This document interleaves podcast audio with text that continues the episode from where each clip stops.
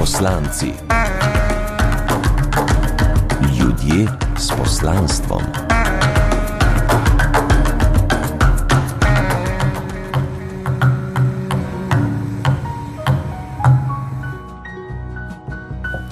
Dober večer na valu 202, Tomaš in Katja sva z vami in še en gospod, uh, gospod doktor, uh, igralec, župan, sej ne vem več, kaj vse.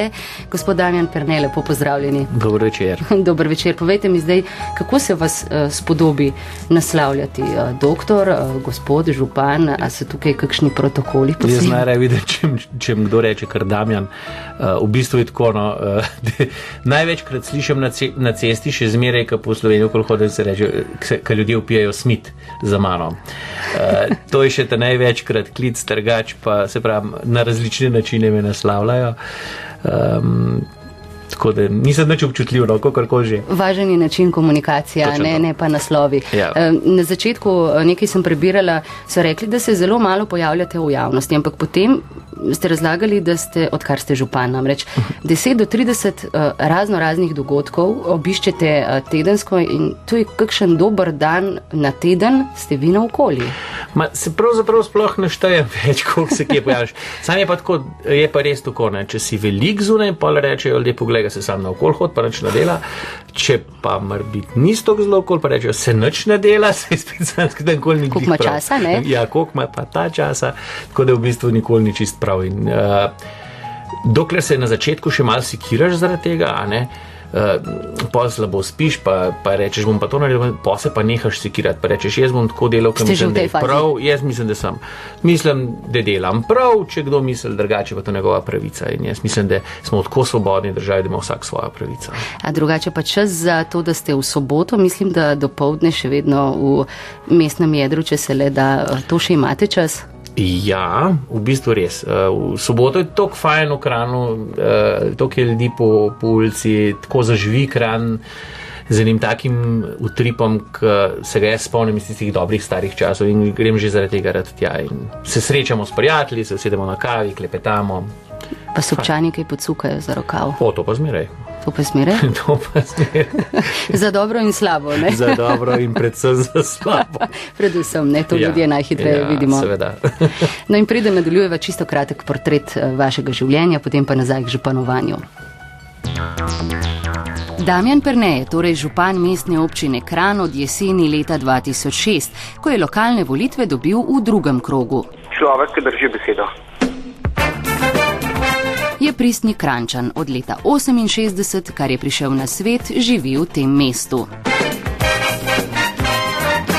Igral je že v osnovni in srednji zdravstveni šoli. Kolebal je med študijem medicine in igre, a se je odločil za prvega. Od leta 1999 je kot oddelčni psihiater delal v psihiatrični bolnišnici Begunje. Ima tudi svojo psihoterapevtsko ambulanto v Ljubljani. Kot študent medicine si je izmislil vlogo grajskega norca Ferdinanda, s katero je zabaval otroke po različnih slovenskih vrtcih in šolah. Svojo otroško oddajo je imel tudi na radiju, sicer pa je veliko pisal pravljice, objavil jih je kar 30 v obliki kaset in knjižice. Če v stiski ga spoznaš, zavedno v srčku ga imaš, najboljšega prijatelja.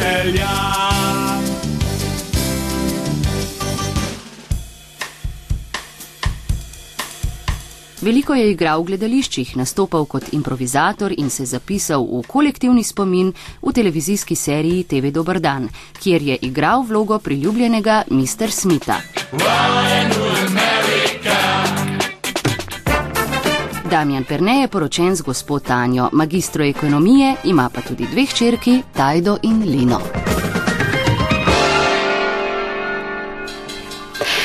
Toliko torej na kratko in preden nadaljujemo, še kratko prometno obvestilo. Na Zgornjem Gorenskem je na območju med Žirovnico in Radovlico oviran promet zaradi toče.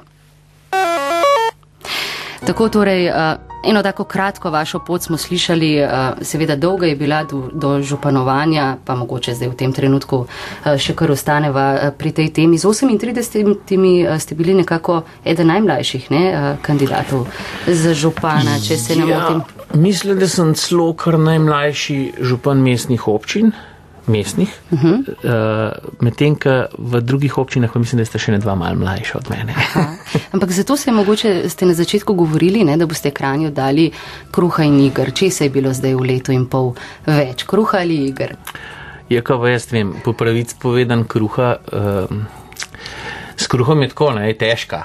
Uh, na gospodarstvo težko vplivaš. Uh, prav srečen bi bil, če bi človek lahko dosegel to, da bi se pač dvignil, da bi bila rast eh, podjetništva, ne vem, če je za vsega v mestu.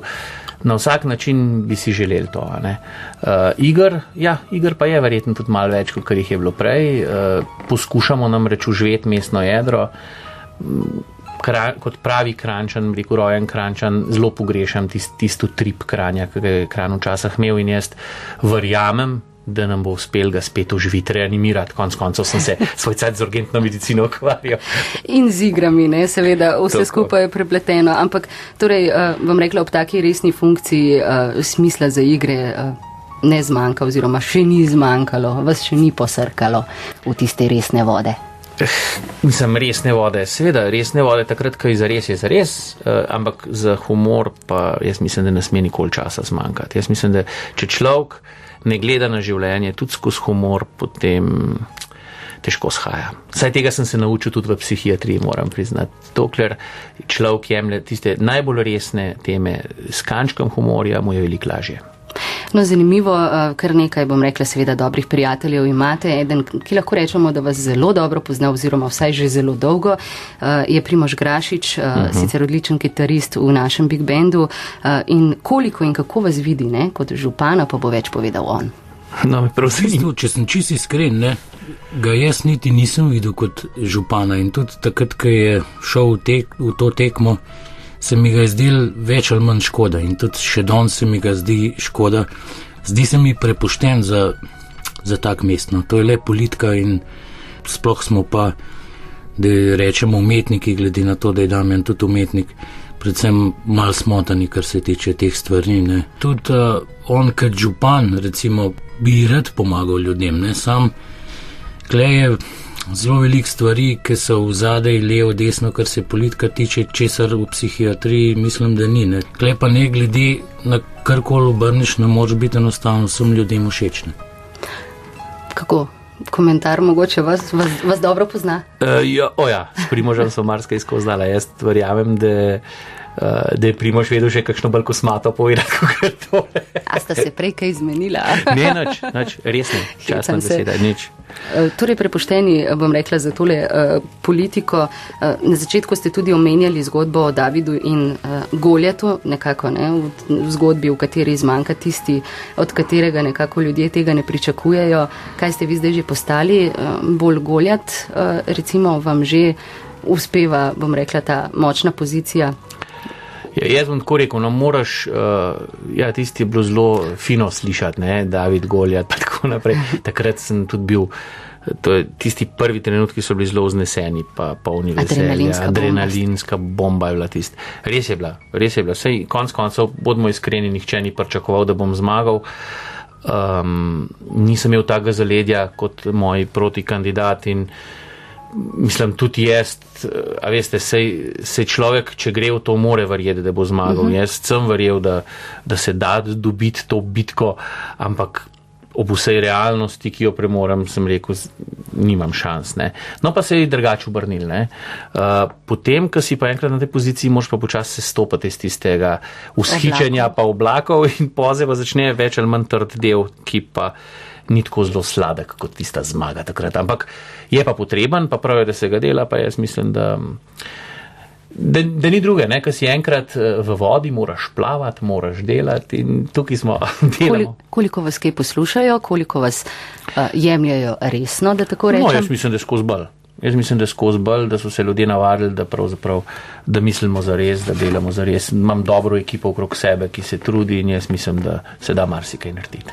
Drugače pa mestna občina Kran nekako strategije, ne, kot uh, enovitega dokumenta do sedaj ni poznala. Uh, če se ne motim, ste zdaj v pripravi. Uh, uh -huh. Kran je bilo mesto, kot ste povedali, brez uh, koncertne dvorane, brez pravega kina, uh, brez mrsi česa še. Staro mestno jedro je umiralo kot v večini uh, velikih krajev ali pa mest. Kje ste se oziroma kje se boste še? Uh, dokazali. Kot... Posod tukaj se zelo omenila. Kran še zmeri nima koncertne dvorane, pa kran ima še zmeri dokaj mrtev mest. Uh, vse to, kar ste rekla, to so naloge, ki jih moramo narediti. In na tem delamo zdaj ta trenutek. Uh, res je, v kranu zdaj ta trenutek niti kina nimamo, ker ga obnavljajo. Bomo imeli pa v kratkem več kinodvoran. Uh, koncertna dvorana zagotovo jo more kran dobiti. Mislim, da imamo toliko umetnikov, sposobnih, dobrih, ki ustvarjajo po celi Sloveniji da si zaslužijo svoj prostor tudi pri nas. In to so projekti, ki jih je potrebno delati. Konec koncev zdaj knjižnica nastaja, na katero bomo, upam, ponosni v prihodnje. Tako da. Kar nekaj stvari za narediti. Koliko mandatov je potrebnih, da se izpolni vse to, kar ste si zadali? Ja, jaz bi rekel, zdaj če pogledam tri, ampak ne verjamem v to, jaz pravim človek, jaz zagotovo bomo naredili vse, da bi se že v tem mandatu marsikaj obrnili drugače. In ko ste prej strategijo omenila, zdaj le res veliko krančanov uh, v svojem prostem času se je zagnal uh, in pomaga v skupinah, da se po raznih uh, rekel, teh interesnih skupinah, področjih, po, po področjih postavlja strategija in uh, verjamem, da bo to v pravem roku narejeno in da bo kran imel tist kaži pot, po katerem se bomo ravnali naprej. In vi ste seveda tisti, ki boste ta uh, kaži pot postavili oziroma uresničili. Uh, O tem, zakaj ste pravi za župana oziroma kaj so tiste vaše kvalitete, kot jih vidijo tisti, ki vas poznajo, pa več vaš nekdani sodelavec primari dr. Andrej Žmitek iz psihiatrične bolnišnice Begunje in Robert Mešo, vaš sošolec iz, Meško, Roman, uh, Meško Roman, iz Meško, ja. uh, srednje zdravstvene šole. Ja, ja, ja.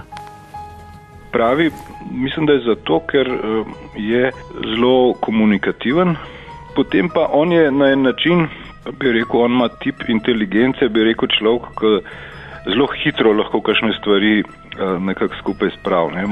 Pa to je, on se nekako dejansko zauzame za stvari, ne? ni mu vse en, ne? mogoče tudi v medicini so ljudje, ki se različno angažirajo. Ne? Uh, on tukaj nima kakšnih velikih rezerv, on se res potrud, se za stvar navduš, če pa pač ocen, da to ni za njega, se pa s tem ne bo ukvarjal kaj preveč. Ne? Ja, eno od teh je sigurno smisel za popuščanje in ne popuščanje, da zapravo kar je dokazal s to zadnjo medijacijo, ki je pač se nekako uspešno rešil kljub ostrim zahtevam tako imenovane civilne inicijative tam in je kljub vsemu je pač ustrajal do konca na tem, ni, ni niti popuščal v eni smeri, ampak hkrati pa tudi popuščal v drugi smeri. Tako, pravi političen tip v bistvu, no, ni, eh, se zna potegniti nazaj, takrat, ko je treba in zna tudi napasti, takrat, ko je treba. Je ja, zanimivo, ne? dva različna pogleda dveh različnih kolegov. Se upravičujem, prej recimo uh, uh, Primoža Grašiča in sedaj Meška, ne? kako vas pravzaprav različno vidijo ne? v tej vaši funkciji.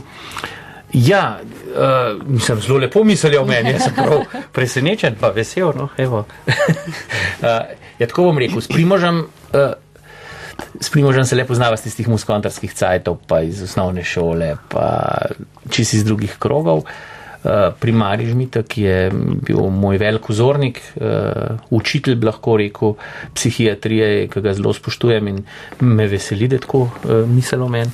Roman je pa moj najboljši prijatelj srednješolskih časov. Veliko smo ga prekronali skupaj, moram reči, da me verjetno zelo dobro pozna in uh, um, sva imela marsikašno tudi. Uh, rekel kritično besedo drug o drugem in on res nima dlake na jeziku. On je tisti, ki me pokliče pa reče: Poslušaj, star zdaj pa serješ. To, kar si pa zdaj naredil, to pa ni ureden, da, da sploh si moj prijatelj. Mislim, on, on, on je, je direkten, tudi zelo, zelo direkten, tako da. Um, Ne vem, če me vidite kot dobrega politika, sem samo počaščen. no, ampak se ste zgodaj začeli, ne? Ja, to je pa res. Ne, pravzaprav že uh, kot šef mladinske organizacije ali kako? Oh, ne, to je bilo tako, veste, kako to sem, no, te v, v osnovni šoli še, ker smo bili, ti, te, to je bilo bolj zaradi tega, ker jaz sem bil zmeri tak, da sem velik stvari rad delal, ne, in mi je bilo dolg čas, če, če nisem imel preveč stvari. In še zdaj se spomnim, ko je učiteljica v osnovni šoli, moja razredničarka očeta v šolo poklicala, pa rekla se pa tako, če ne bo od teh 15 krožkov, ki jih ima zraven šole, saj petih nehal hoditi, pol ne bo nič s njemu. Ampak jaz no, enostavno sem toliko stvari delal, zmeri me je zanimalo toliko stvari nisem imel. Oče mi je pa zmeri za všesa nazaj vlekel, rekel, da ga ni hilom, če voziš vodo na pet mlinov, je manj efekta, kot če sam na enega. Sam jaz nisem manjkol znal tega narediti, da bi se čist samo eno stvar vrgel. Zmeri me je toliko stvari zanimalo in no, med drugim sem bil tudi ja, pol, pa mladinska organizacija, pa kakor drugega. Sam prav s politiko se pa nisem manjkol ukvarjal do zdaj. No in seveda o tem, eh, kaj vse je bilo eh, v otroštvu, pa po glasbi.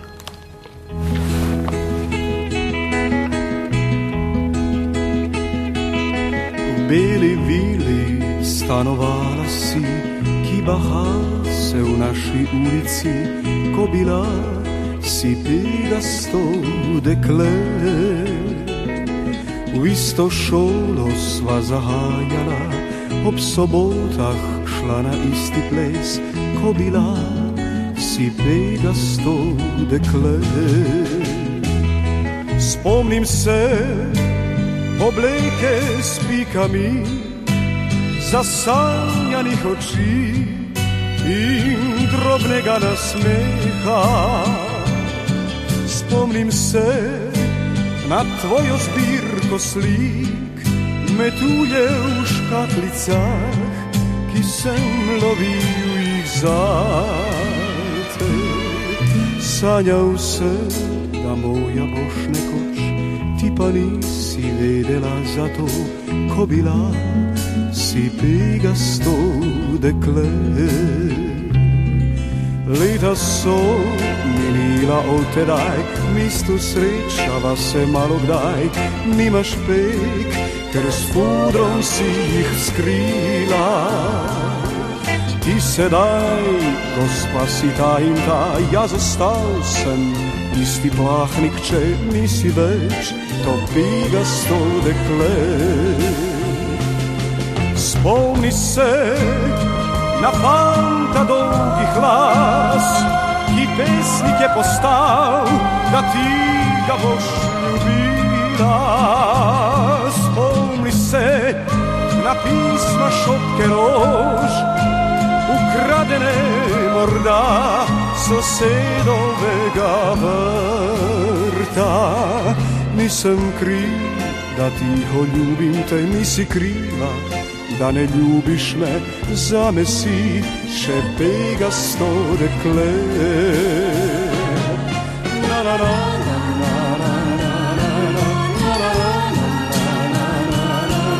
Na na na, o pegasto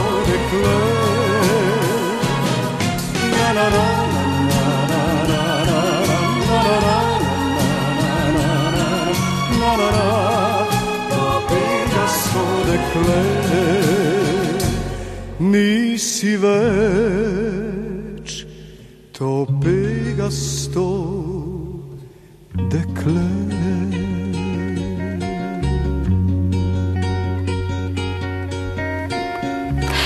Damjan Perne je gost na valu 202. Kot otrok ste seveda počeli marsikaj zanimivega, nekaj ste že prej navrgli, zdaj sicer ne vem, koliko tega je za javnost, ampak um, kaj vse ste uganjali, recimo s Primožem Grašičem, ne, s katerim ste. O, ne, pa je bilo fleten. S Primožem smo se šli mal muske. Tisti prvi bend smo imeli čist. Uh, takrat je na, na šoli že deloval en, uh, en ansambl, ki je bil bolj znan, ker smo bili mi, pa smo pa mi začeli. Um, se ne vem, ko smo se že imenovali, smo bili lift ali kaj je že bilo. Tak, Lift. Ja, ja nekaj tasga je bilo. V glavnem smo začeli grad, smo se zagnali, smo trenirali. V... Kaj je bila pa vaša? Jaz sem um, igral orgle, Aha, ja, klaviature. Sem imel ene stare, tako skozi sožarnice pregorevale, ker so bile še tiste čiste stare. V glavnem smo kar nekaj naštudirali. Uh, moram reči, da od tega ansambla so zdaj trije še v glasbi. Um, Primož, mm -hmm. potem Tone Humor, on igra zdaj jazz, tudi uh, je bas kitarist. Pa, pa, pa zupan Matjaš, ki ga tudi poznate. Uh -huh. Skratka, to so bili tista prva ekipa, ki smo začeli. Pa so oni seveda naprej delali, jaz uh, nisem bil tako zelo ustrajen pri tem, moram priznati. Ste bili pa pri čem drugem, ne? Eh, Sem pa, pol, so me pa že druge stvari takrat tudi začele zanimati, pa sem pa se drgam usmeril, pa nisem bil več poj tako v glasbi. Pol glasbi sem se kasneje spet malo več vrnil v srednji šol, smo, sem imel fajno družbo, uh, smo bili trio kahla, uh, smo po vseh žurkah pel in sicer je bil Mark Vozu, pa Aha. Pa Sama Smrekar. znana ja, imena, Ja, ja, ja. To- to- On je bil sošolc tudi moj, ja, on je srednjo zdravstveno delal. Tako da smo ga takrat biksali, pa mal, smo spet mal pel. pa tako. Ampak ne, da bi se pa resne glasbe šupam kol več pa. No, ampak uh, Primoš, ne, bom rekla, ima nekako prve spomine na vajno druženje takšne. No, da slišimo. In tak spomin je, da te prve porniče, recimo, sem videl pri njemu doma, ne, ki je fotor imel tak uh, projektor, ki je Din Damjan znal mal tam glavo zamenjati ali nekaj obrniti, tako da smo ti zgledali. Damjan je pa prvo okno stal pa gledal ven, da je se vata prpelo. Drugač pa moram reči, da je pol tudi mal v musko vstopil, ne, že zgodaj imel en tak uh, talent, tako da je pol iz tega ratov tudi igralstvo. Zanč me je spomnil, da sva celo eno igro skupaj igrala na eni šolski predstavi, da so malje clala, pa tako. O, lepe spomine ja, pa, pa to ste mi porniči čist res. To, moj oče je bil eden prvih ukran, ki je imel uh, ogromne mašinerije. Ja. On, je, on je res človek, ki je v tehniko usmerjen in je imel. Ma, Mislim, da je imel ta prvi ukran videorekorder, pa Aha. To je imel te projektore in to. Ampak veste, to je pa zmeri tako, to je tako z računalniki. Tisk, ki se v računalništvo uči najprej, seveda preko kakšnih takih vsebin. Ne? Ja, no, in seveda. je bilo to popularen takrat in ko sem jaz to zvohal, pa to smo mogli imeti projekcijo doma in sem te moje prijatelje povabil in smo gledali, jaz sem pa rok nočuval, če bi slučajno kdo dan pa, šel, pa smo pogledali. Sicer je poj sem en zgorel, uh, pravzaprav je bilo tako, to je bilo ne, video rekorder smo gledali, sem en zgorel, da enkrat je pa res oče se prepelal in sem jaz hiter ugasnil tist, sem pa na mest stop pritisnil rec. Ojoj. In sem prebrisal en cel kapene kasete in je pa seveda moj oče to pogruntal in se je neslavno končale moje dia, proje, ne dia uh, video projekcije doma, tako da pol nismo več filmov gledali. Najbrž ste bili zelo priljubljeni zaradi tega pri mladini. To je bilo res hecen takrat. No, pa pol, uh, to z musko je pa tudi res, ne. Pol, z musko se je hitro končala, pa pol s primožem res v eni gledališki predstavi igrala, skupaj v Jeclavčke sva igrala, to se še dobro spomnim, in sva bila full zvezda. Takrat, pa ne zaradi tega, ker ne vem, kako dobro igra, ampak sva to jeclala, da nisva nič povedala in niso cela dvorana režala že zaradi tega. Eh, Vi ste se potem zelo hitro usmerili, bom rekla, eh, že od mehkega ste nekako vedeli, da boste zdravnik. Eh, To je Ja. nekako tudi bila neizpolnjena očetova želja, če se ne motim. Predvsem to. Moram reči, da jaz v osnovni šoli še nisem čist za premej vedel, kaj me veseli. Je pa res, da, da sem polk sem prebiral po Cajtangih, sem že v četrtem petem razredu osnovne šole v glasu imel objavljen, kaj je bil en intervju z mano, ki sem pisal takrat v glas Aha. kot mladi uh, pisatelj, ali pa je bilo takrat, ne vem, ena taka kolumna je bila. Uh, in tam sem jaz rekel, da si želim biti igralec. Sam jaz se dobro spomnim, da je meni oče zmeri razlagal, poslužavam. Uh, ne igralec, pardon, zdravnik. Uh -huh. uh, oče zmeri rekel, poslušaj, zdravnik, to je pa fajn poklic, to, pa, tako, to je pa res, pa obelen si, pa fajn je. Pa. On je zelo si želel, Cenil, on ja. biti to, pa mu ni bilo omogočen, ker takrat so bili drugačni časi ne, in ni mogel iti uh -huh. študirati in si zelo želel za me, da bi to bil. In to je to, ko živo mi pripovedoval o tem, da sem jaz res potem začel biti prepričan, da, da je to to, kar si želim. Pa, pa moram reči, uh, da sem mu danes hvaležen za to, no, ker uh, uh, sem res toliko lepega doživel, pa je tudi v medicini, da mi ni bilo nikoli žal, da sem šel v to smer. Na srednji zdravstveni šoli uh, ste bila torej prijatelja z Romanom Meškom, Ja. uh, ki pa, bom rekla, se tistih srednješolskih uh, časov spomni tako. Ja, rad je ustrezal učiteljcem, pa dober učenec, v bistvu smo se kar, tako da smo se provali boriti za čim boljše ocene, drugače pa že takrat rad izstopal uh, in z uspehom in z nastopom, kot vem, je bil kar ene dve ali tri leta celo predsednik razreda in tudi mislim, da predsednik mladinske organizacije, takrat, ko je bilo to še v tej srednji šoli. Bil je pa, uh, kot rečem, naročnik mladine že takrat, če se ne motim, ki je bila absolutno antisocialistično oziroma komunistično usmerjena, tako da to, to pa vem. In vem, da ima tudi probleme, kot so se pogovarjali o vojski, zaradi tega, ker je spremljal te aktualne dogodke takrat. pač res je bilo. V bistvu nisem imel naročene mladine, ampak sem jo pa redno kupoval. Uh -huh. In sicer so bili to tisti cajti, ki so praktično vsako drugo številko mladine zaplenali. In mi smo, gor, mi smo bili v Šubičevi, ja. zdravstvena ja. je bila na Šubičevi, in smo skozi okno gledali, kaj je prišel prodajalec mladine spodaj. Ja. Na drugi strani so ga pa že policaji čakali. In smo mi šibali skozi stranski vhod dol, pa smo rekli, da sem mladino, ja. spet, in smo neki izvodov vzeli zmeraj, pa smo pa tisti fino naučali. Ampak mladino sem pa vsak teden takoj zjutraj imel in so potem glik z Romanom, ki so skupaj sedela, križanko rešvala, takrat se je bilo mladišče križanka, sva križanko rešvala, najprej so to rešila, pa pa vse ostalo v vojski. Uh, sem pa res imel malo težav s tem, ampak nič hujšega. So me pa vprašali, zakaj to dobivam, ne, ker sem bil naročen uh -huh. na njo in ja. sem jo dobival po pošti. In Um, potem sem razložil, da se ukvarjam s kulturo, da sem igralec in da predvsem zaradi te kulture to dobivam in so to tako razumeli, pa ni bilo hujšega pojta. Z igralstvom uh, ste se zelo resno ne, potem že ukvarjali. Uh, že podobe ja, podobe ja. trenutkov, recimo, uh, je bila ena taka zadeva in gledališče že s cesto. Ja. Skratka, to so bili eni taki začetki, uh, ampak AGRFT to pa ni šlo potem. Ne? Ja, AGRFT je v bistvu šlo, ne? Mislim, uh, skoraj da, ne? Ja. Ne, tako je bilo. Jaz sem takrat res živel za teater. Jaz sem velik delal, velik igral. Moram reči, da sem tret, četrt letnik srednje šole praktično videl čisto vso produkcijo, ki je bila v Ljubljani takrat v vseh gledališčih. Uh -huh. Uh, Ves čas sem hodil, na vse predstave sem hodil, tako da so me vsi vrtari poznali in so mislili, da sem magar fatajovci in so me spuščali noter, razmeri. Um, No, in sem res uh, tudi šel na sprejemne izpite, naredil diferencialne izpite, ki niso bili lahki. Uh -huh. Moram reči, da mislim, da od 120, ki se nas je prijavilo, nas je naredil tam 30. In po enem sprejemnih izpitih sem bil uspešen. Sem prišel skozi, uh, sem pa naredil en hud izviren greh ne, in sicer uh, sem šel pisati sprejemne izpite tudi na medicino.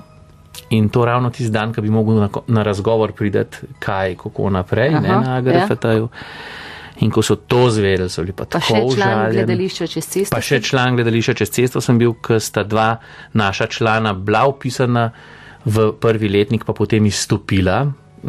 In to so oni takoj povezali in sem zelo neslavno takoj končal Zagreb. Potem so me naknadno izpisali, nisem, so, so rekli, ne, ne boš. Prišel v letnik in nisem prišel v letnik.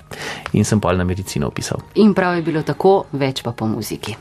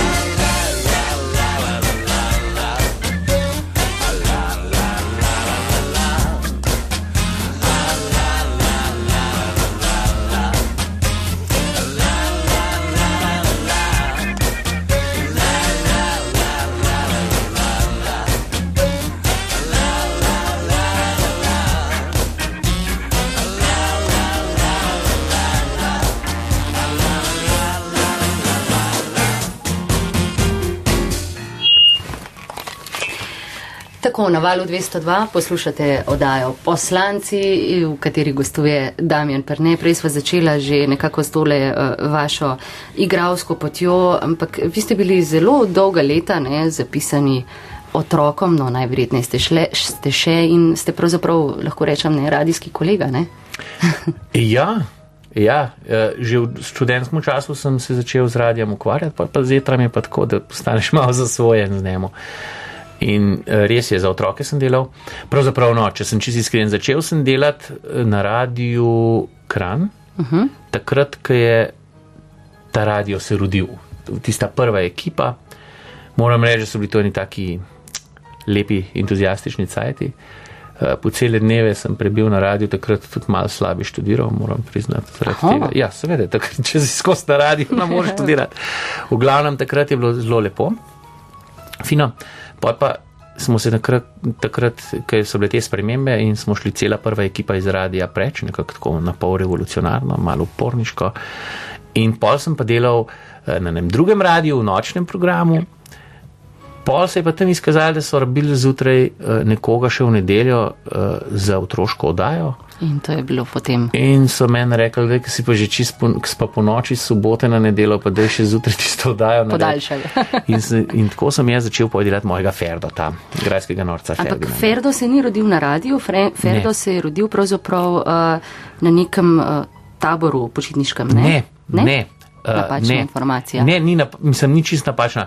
Ferdo se je rodil pravzaprav uh, v enem novoletnem času, pred novoletnem času, ko so rabili za pravlično deželo, uh, ena od firm velikih trgovskih je, je hotla imeti tako pravlično deželo. In so rabili nekoga, da je to povezval.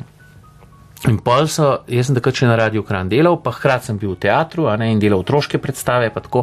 In so rekli, pa daj ti, pa še ena kolegica z radija je bila, pa daj ta video odigrati princa pa princeso. In sem jaz rekel, ne čakaj, ona je lahko princesa, kaj lušna, pa fletna, pa tako.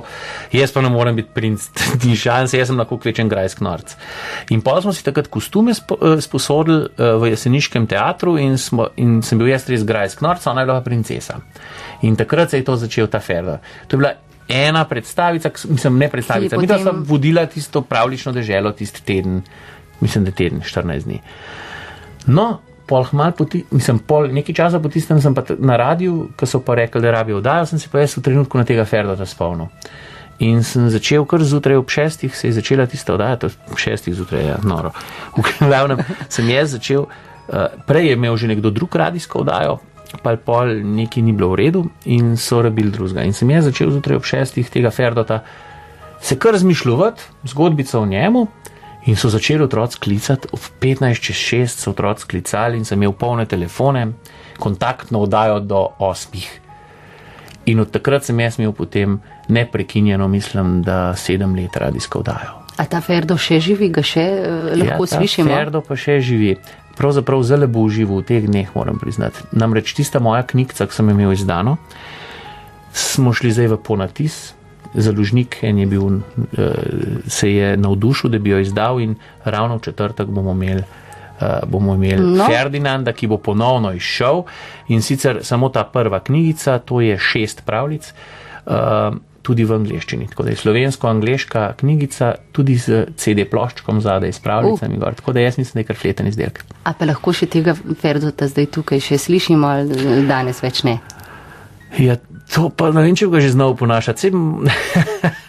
Tist, vem, da s Ferdatom je bilo tako, ne? jaz sem imel oddajo, sem zmeri igral dve vloge, Damjana v Ferdata. Damjan je nagovoril normalno, Ferdo je imel pa mal višji glas in se zmeri, krego, zdravo, kako si.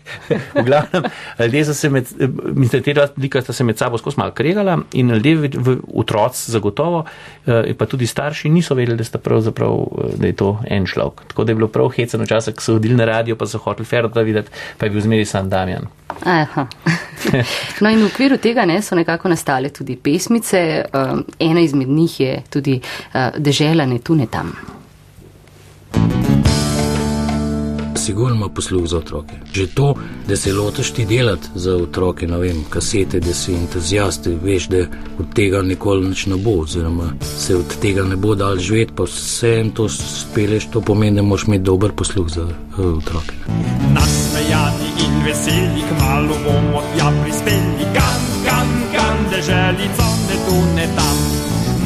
Mahajo nam že dvorjani, vsi ne tu ne tam, zizbrani tam, tam, tam, deželici ne tu ne tam.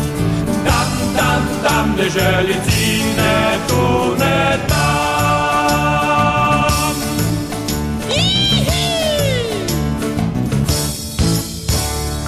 No, tako toliko zgolj ne za občutek in za uh, okus, uh, kako so izgledali ti časi. Ne. Ja, bilo je lepo. Ampak potem je pa prišel dr. Smith, ki je pa še danes aktualen. Ne.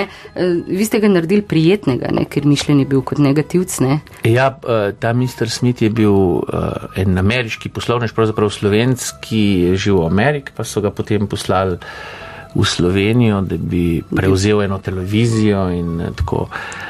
In je bil v začetku mišljen kot negativen lik. Ja.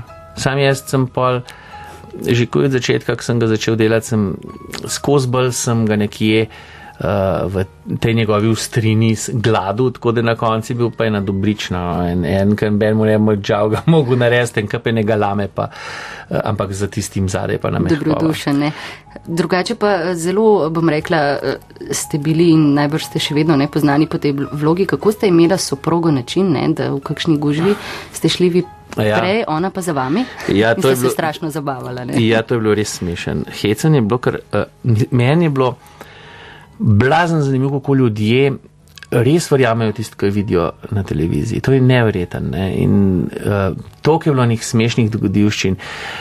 Hm, takrat, ko je bilo najbolj na višku nadaljevanka, se mi zdi, sem šel po kranu in so imeli, mislim, da za ne komune za boj proti uh, odvisnosti, so imeli tam štand postavljen, italijani so bili in mene kot psihiatra seveda zanimalo, kako to oni delajo in sem stopil zraven in sem začel z njimi se pogovarjati in oni so znali samo angliškne. In se z njimi pogovarjam, in, in tako za sabo slišim dve gospe, ki se pogovarjata. A sem ti rekla, da je Amerikanc, da je res Amerikanc. tako da se nisem. Um, prav tako, in tudi uh, žena se je zelo zmeri zabavala. Ona je res malo za mano hodila in, in poslušala komentarje, in je bilo smešno. Ne.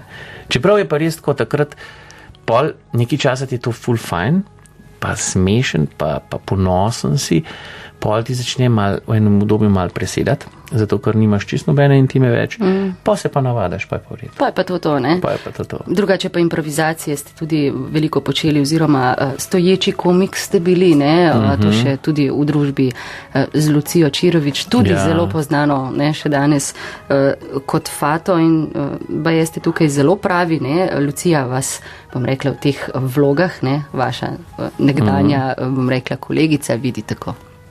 Meni se zdi on strašno talentiran, vse stvari, ima zblazno občutek za ritem in um, vse, kar se loti, zelo, zelo živo izpade, ko se on loti. Še posebej pri tem stand-upu, ko bi on delal, uh, ko se zdaj pač ne vem, če ga še smek je župan, ampak je bil strašno smešen in tisti njegov kufar je bil legendaren. Tako se torej, uh, Lucija, spomni teh vaš, vaših nastopov, a uh, si kot župan Kranja še kdaj lahko privoščite kakšen stand-up ali. Tako, tako bom povedal, uh, ne, da bi šel nastopati nekam in lokal, zdaj seveda ne, ne. Ampak kufar je pa še zmeri doma in pripravljen za kakšne priložnosti in ga z velikim veseljem potegnem na plano, kater imamo kakšno tako na pol privatno. Zabava, pa da je dosti ljudi in me pol pripričajo in se pa jaz delam, ker ah ne, pa ne, ne bom, kako me čaka, da mi kdo reče, da ti spotegne, ker, ker takrat se spet spomnim teh lepih cajtov. To pa res, to pa jaz moram reči, da sem pa od vsega najbolj užival delati stand-up komedi. To mi je bilo pa toliko fajn, ker se v bistvu ti na nek način tukaj poigravaš s publiko. Um, se mi zdi, da je stand-up komedi kljub temu, da, da imajo včasih tako malo zaničujoč um, uh -huh, prizvok, ko se, ko se pogovarjajo o tem. Jaz verjamem, da je to ena od najtežjih, um, rekel, nalog igravca. Ker, lejte, če, ja, pa, pa tudi tako je, ko ti prideš v teater gledati um, predstavo, ne, si, že, si že vas nažajfan, da bo tisti fajn in moraš ploskati. In mene recimo zmeri v teatru motil, tudi če je bila za noč predstava, smo mogli ploskati. To jaz narad delam. Jaz sem, tudi ko sem bil igralec, če sem za noč igral, bi veliko raje videl, da mi je eden v fris povedal, da sem slab igral, uh -huh, uh -huh. kukar pa, da, da so ploskali, pa trikrat sem mogel nazaj priti, se parklont, pa vem, da sem bil za noč. In, in to je tisto, kar me izmeri motilo v teatru. Ta, ne, vsi morajo ploskati, pa bravo. Pri stand-upu pa ni tako. Tam pa ti prideš pred publiko, Je ki ne pridejo vsi sam zaradi tega, da bi tebe gledali. Eni so tudi sam za šankam na pir prišli. In zdaj, če ti rata jih potegniti k sebi, pa zabavati, pa biti tako zanimiv, da ti prisluhnejo, si uspel. Če ne, te lahko tudi odnesejo. Pa vozi, ne? Pa vozi. In to je tisto, kar je mene zmeri pri stand-upu najbolj matral. To, jaz sem se tako rad igral s tem. In se mi zdi, no, da smo bili, in tudi Lucija, no, ker smo bili pri Luciji, Lucija je en ful talentirana za to. In meni zelo draga prijateljica in zelo z, z velikim veseljem sem z njo skupaj nastopil. In mislim, upam, da še to dela. Seveda še. Um, drugače pa vi malo manj, uh, počeli ste v življenju uh, marsikaj, recimo med drugim tudi medicino. Ne? Uh, povejte mi, vam je kdaj recimo vloga, ko sva prej govorila, mister Smita hodila na robe ali pa bilo kakšna taka smešna peripetija, pa je so klicali ne, v bolnišnico in zahtevali doktor Smita. Ja, ja v- včasih je bilo hecno, ampak moram reči, no, da e- evo, res, časna beseda, da kar se tiče mojih bolnikov, so bili vsi zelo tako korekt. Nič se niso kaj zelo zafrkavali z tega, da sem jaz in so znali ločati med to vlogo, ki sem imel na televiziji, pa eh, potem, ko sem bil uh -huh. v službi. Se je zgodila tudi kakšna hecna dogodivščina, moram Na primer? priznati. Uh, recimo, enkrat, enkrat je en pacijent pobegnil iz bolnišnice in so mi ga potem prepeljali nazaj policisti kasneje, ne, ker je bil, bi moral biti na, na tako bolj navarovanem oddelku uh -huh, uh -huh. in je mu je uspel nekako se izmusniti in uiti in so ga prepeljali nazaj, kaj je stopil iz Marice ven in mene zagleda, rekel pa. Šmit, če pa vedel, da si dežuren, pa ne bi danes sušil.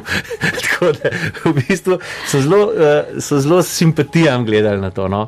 Uh, in moram reči, da mi je včasih celo pomagal. Ti prvi kontakt, ko pride človek prestrašen. Uh, In zagleda doktor mister Smita v Beli ja, Italiji, in, in je včasih to tudi pomagalo no, pri, eh, pri enem pristnem kontaktu. Čeprav ne, včasih je bilo pa tudi obratno. Ne, če, pa, če pa je bolezenska slika taka, da pa recimo ima en občutek, da ga.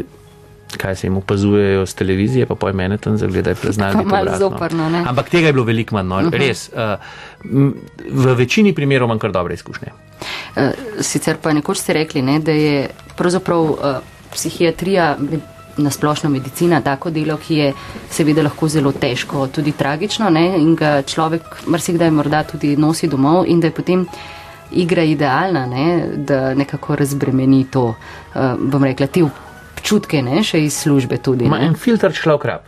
Nekje se moraš filtrirati. Zdaj eni, eni hodijo golf igrati, eni hodijo, ne vem, v naravo, gobe nabirati ali pa karkoli drugega. Jaz sem pa zmeri to skozi igro delal. Meni je pa to pomenil tisti filter. Sploh mislim, no, da moraš na te težke stvari v življenju, da mora človek s kar velikim kančkom humorja gledati in potem lažje skozi hodaš. To ne gre za to, da bi se ho- hotel recimo v enih težkih situacijah komu posmehvati ali pa karkoli. Uh -huh. Deleč od tega.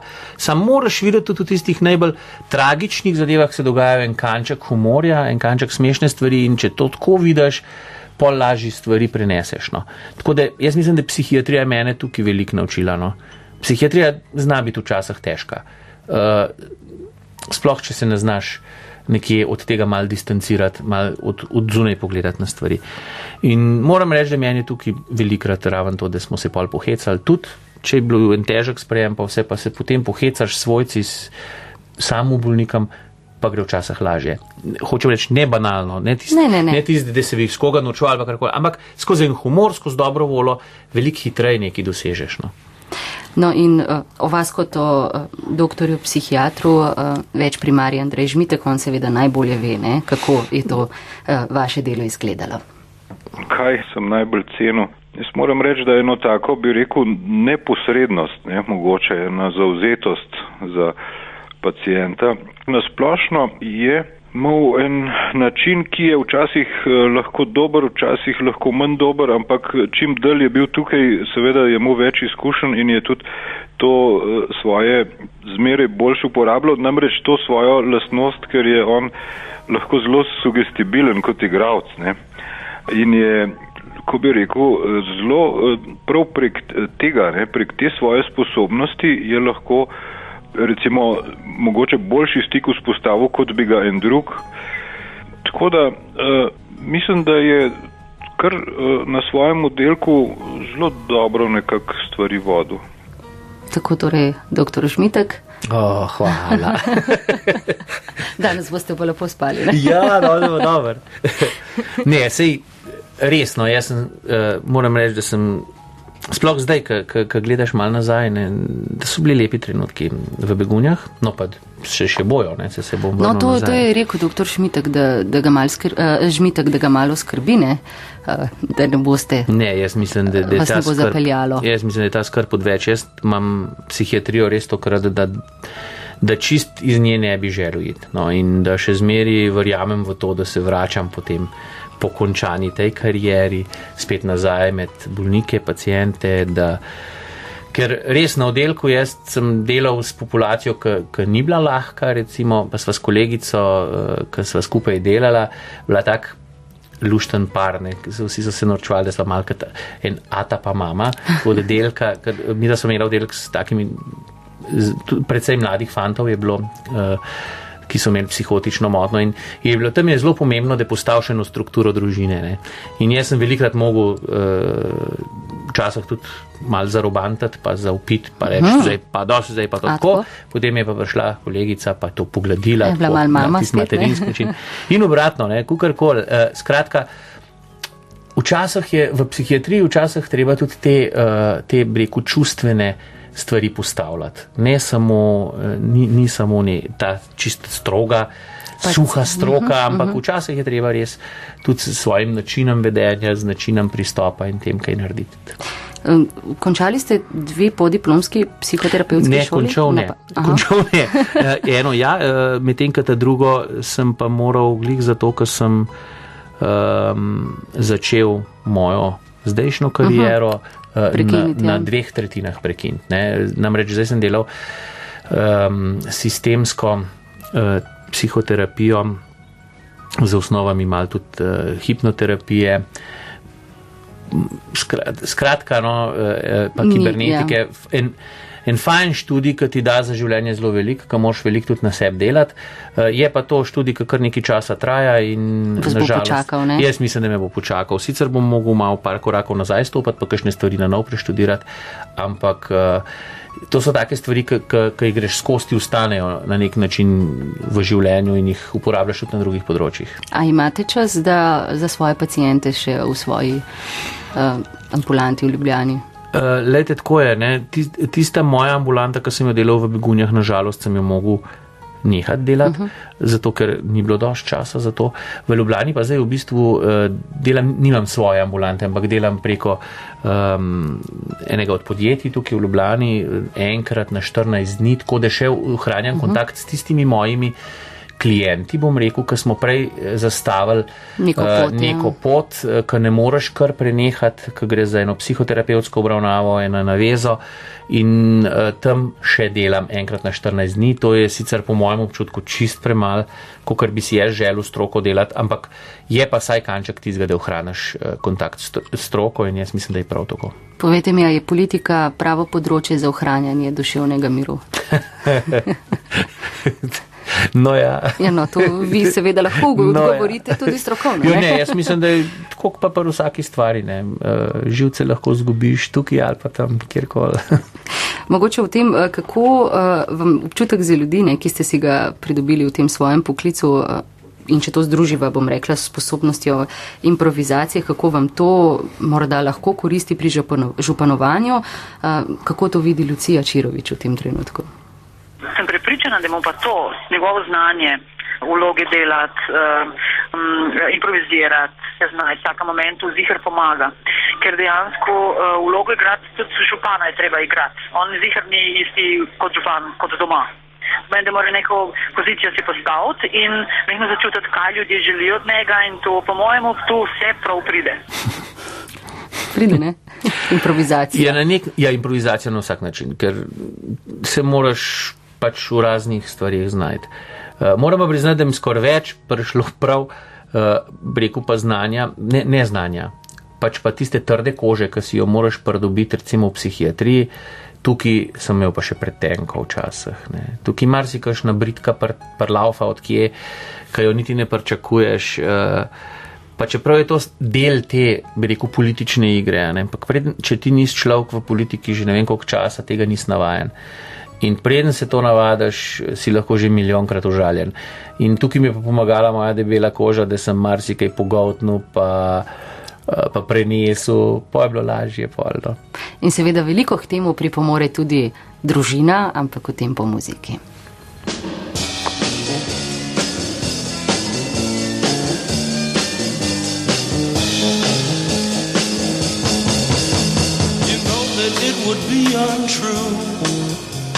You know that I would be a liar if I was to say to you, Girl, we couldn't get much higher. Come on, baby, light my fire. Come on, baby, light my fire.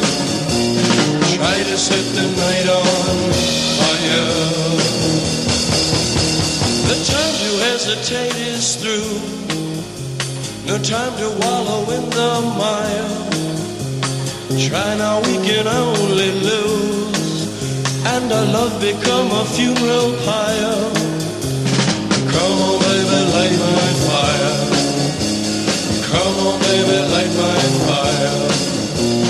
Try to set the night on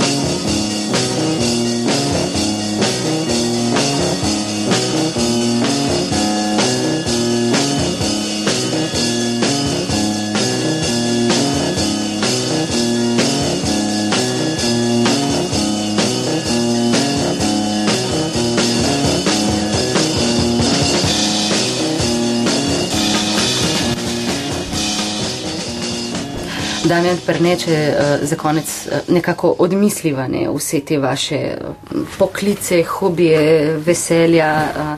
Zdaj, če je Mr. Smith že eno vzela jahto pa hišo, kako je že to bilo. Ja. Pri vas je ravno nasprotno, ne, vi ste srečno poročen, uh, gospod že kar nekaj let. In uh, tukaj je pa ravno obratno, ne bom rekla z uh, tole. Ne, vašo pa že na jahto prinesla. ne, O, Madonna. ne, ne, ne, ne, ne hecam se. Uh, Zdaj tako, ne. Seveda, ja, jaz moram reči, no, da uh, se imamo kar fleten, uh, se imamo kar fleten. Uh -huh. um, hecam se pa zato, da mi je to prinesla ona. Je tako zelo podobno nemirna duša, kaj je ali pa še bolj. In, uh, nama je vedno dolg čas, mi dva ne moramo vedeti na morje, recimo tako. Nekam ležati. Smo nekaj časa hodili, pa, pa je bilo grozno, smo raje to prenehali.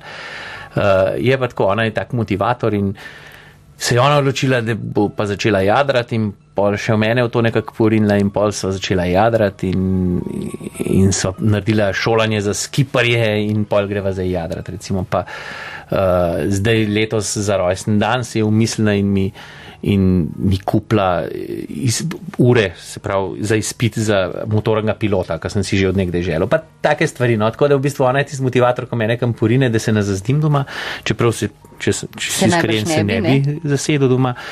Ampak je za fajn, je. adrenalinske športe, ali Ja, kako? uh, moram reči, da, da, da je tako, kot je bil tale, eh, tale pesem malo prej, Light My Fire. Jaz mislim, da je ona tak motivator, da, da tudi veliko pripomore k temu, da, da, da je skozi en tak ritem v življenju in, in če ne bi tega bilo, bi bilo dolg cajt zagotov. Čeprav ne, včasih se pa še tudi malo spočit, ne, pa malo Ja, dol baje. lež, ampak za tiste pet minut pa pa gremo naprej.